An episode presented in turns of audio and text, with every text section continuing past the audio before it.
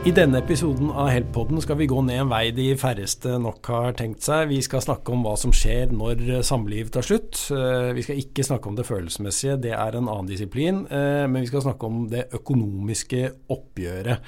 Og til å hjelpe meg med det, så har jeg med meg Ane Torbergsen. Hun er fagansvarlig for familierett i Help og en av våre mest erfarne advokater. Og omreisende i Excel-ark og fradrag og gjeldsansvar og det som verre er. Velkommen, Ane. Takk for det.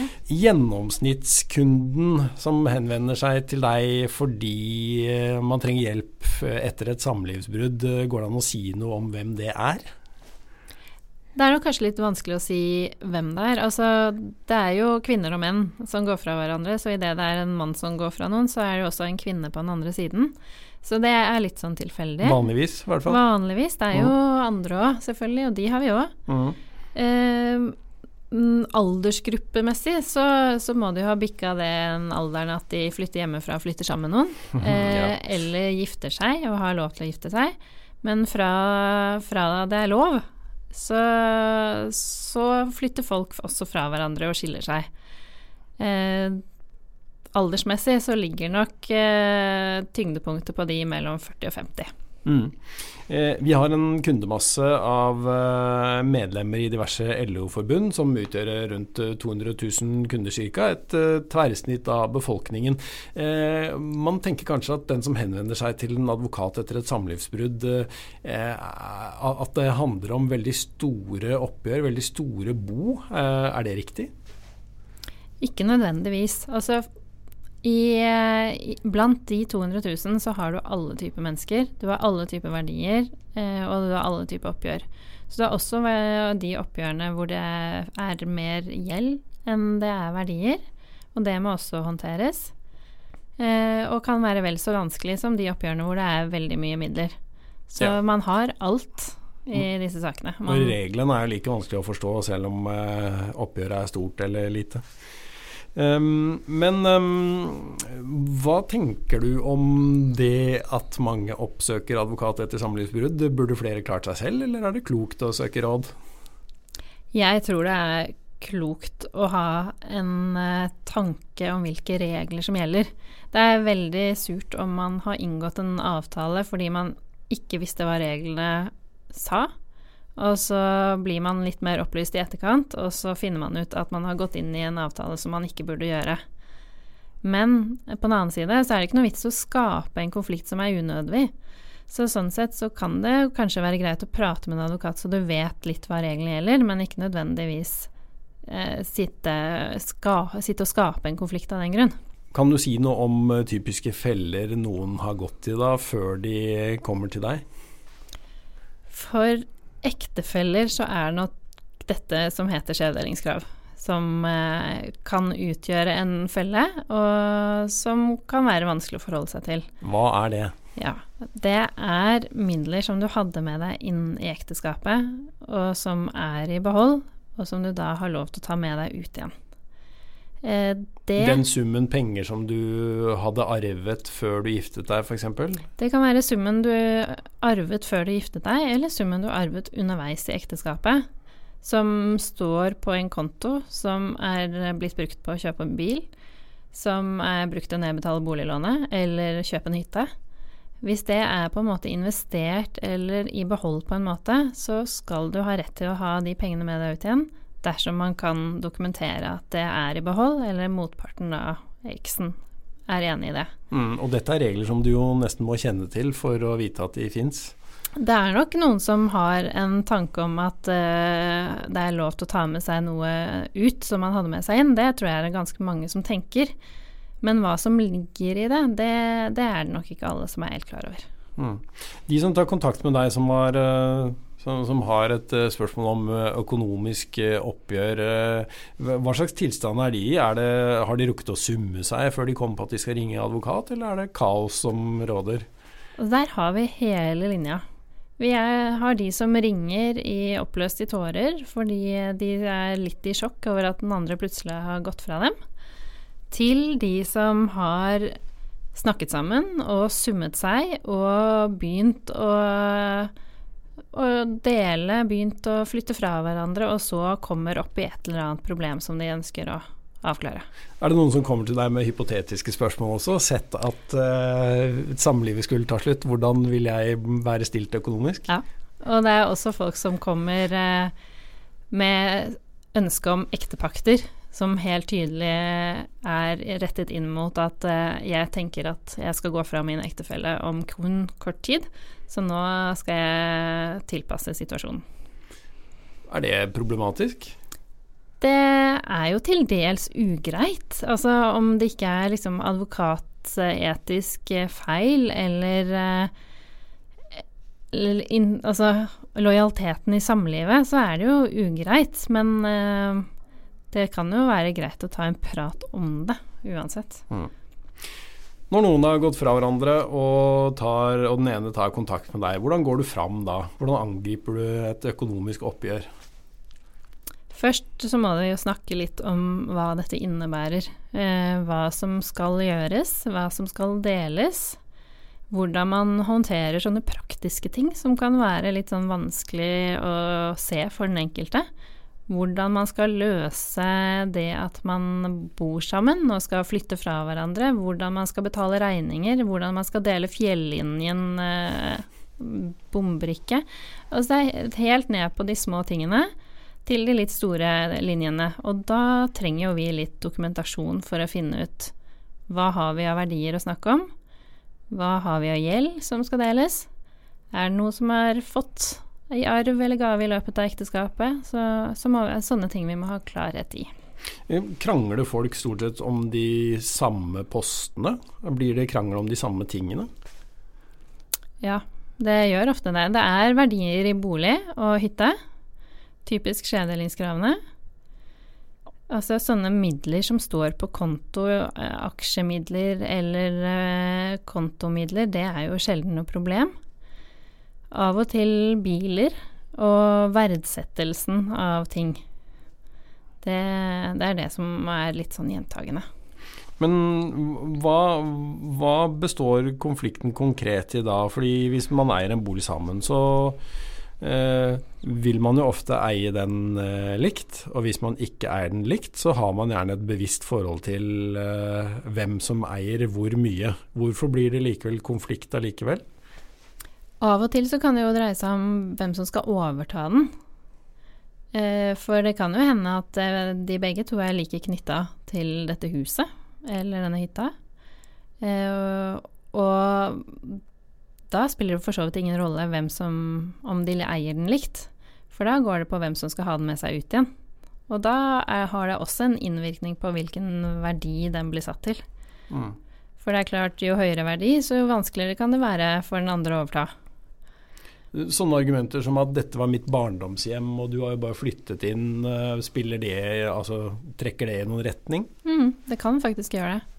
det mm, dersom partene liksom ellers står likt da, på finansiering, og begge kan overta, og man står litt i stampe, så er det faktisk sånn at det er den som har eh, rimeligst grunn til å overta, som, eh, som, får overta, om den skulle blitt behandla i retten. Og da er det jo sånne ting som om det er barndomshjemmet, eller om man har familie i nærheten, eller om det er tilpasset eh, rullestol, om man sitter i rullestol. Altså det er helt ned på de familiære nivåene.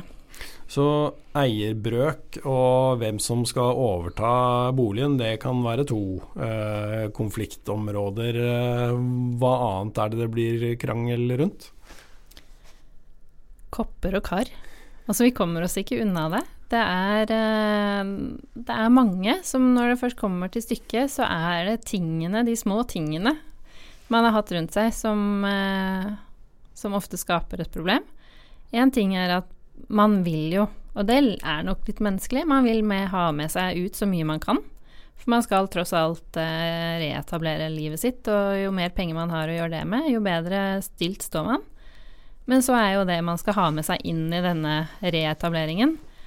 Og hvis eh, du hadde en primus eller en sovepose eller eh, kopper og kar og pyntegjenstander, så slipper du å kjøpe nytt. Mm. Hvordan kunne alle disse problemene vært unngått, da? Eller kunne de det? mange kunne vært unngått. For det er klart, det er jo samboeravtaler og ektepakter. Det er det jo ikke mange nok i Norge som skriver. Det er veldig mange i Norge som er gift eller samboende. Og en del av disse parene ville nok ha godt av å ta en prat med en advokat for å vurdere om man skal skrive en ektepakt eller en samboeravtale. I hvert fall samboere. Mm. Noe helt skjematisk, da, hvis jeg kommer til deg og sier at uh, vi vil ha en ryddig ektepakt eller vi vil ha en ryddig samboeravtale, hvordan hva, hva, er liksom det sentrale i de for at man skal ha et uh, ryddig eh, forhold også etter at det tar slutt, da? Ja, ikke sant. Det, for det er jo egentlig det som er stikkordet. Det skal være ryddig idet det tar slutt, eller en går bort, for de vil jo gjelde da òg. Mm. Og da er det jo snakk om å finne ut av hvordan eierforholdene er til de enkelte gjenstandene, i hvert fall de store, verdifulle gjenstandene, og hvordan eh, man skal ha, hvordan man skal eie de. For ektefeller så kan man jo avtale om noe skal holdes utenfor delingen. Altså om det noe skal være særeie. Og det er klart, hvis man har hatt en tanke om at det skal være sånn for hytta, den skal holdes utenfor enhver deling, for det, det var den gamle familiehytta som vi har fått bruke, og nå har jeg arvet den, og så har jeg kjøpt ut noe av den med noe arvepenger, så er det veldig greit å ha det avtalt på forhånd. Så slipper man å dra den konflikten opp hvis man plutselig skal gå fra hverandre, og ikke er like innstilt på å legge god vilje til. Ja, Det er vel det, da. At det er, føles veldig litt romantisk å snakke om disse tingene. Men eh, det er i hvert fall mye enklere enn når man kanskje følelsesmessig er litt mer i limbo. Jeg skjønner det kjempegodt, jeg. Altså, det er jo ikke et snev av romantikk å snakke om penger og mulig brudd. Ja. Det er vel kanskje det omvendte. Men på en annen side, romantikken legger seg jo litt for de fleste. Og når romantikken legger seg litt, så kanskje realisten skal komme inn og snakke litt penger og økonomi mm. før, uh, før, det går skeis. Eh, du nevnte innledningsvis at eh, de som henvender seg til deg og de andre advokatene her, de er egentlig i alle former og fasonger. Men du snakker jo av og til om små skifteoppgjør kontra større skifteoppgjør. Er det andre regler som gjelder for små bo enn store?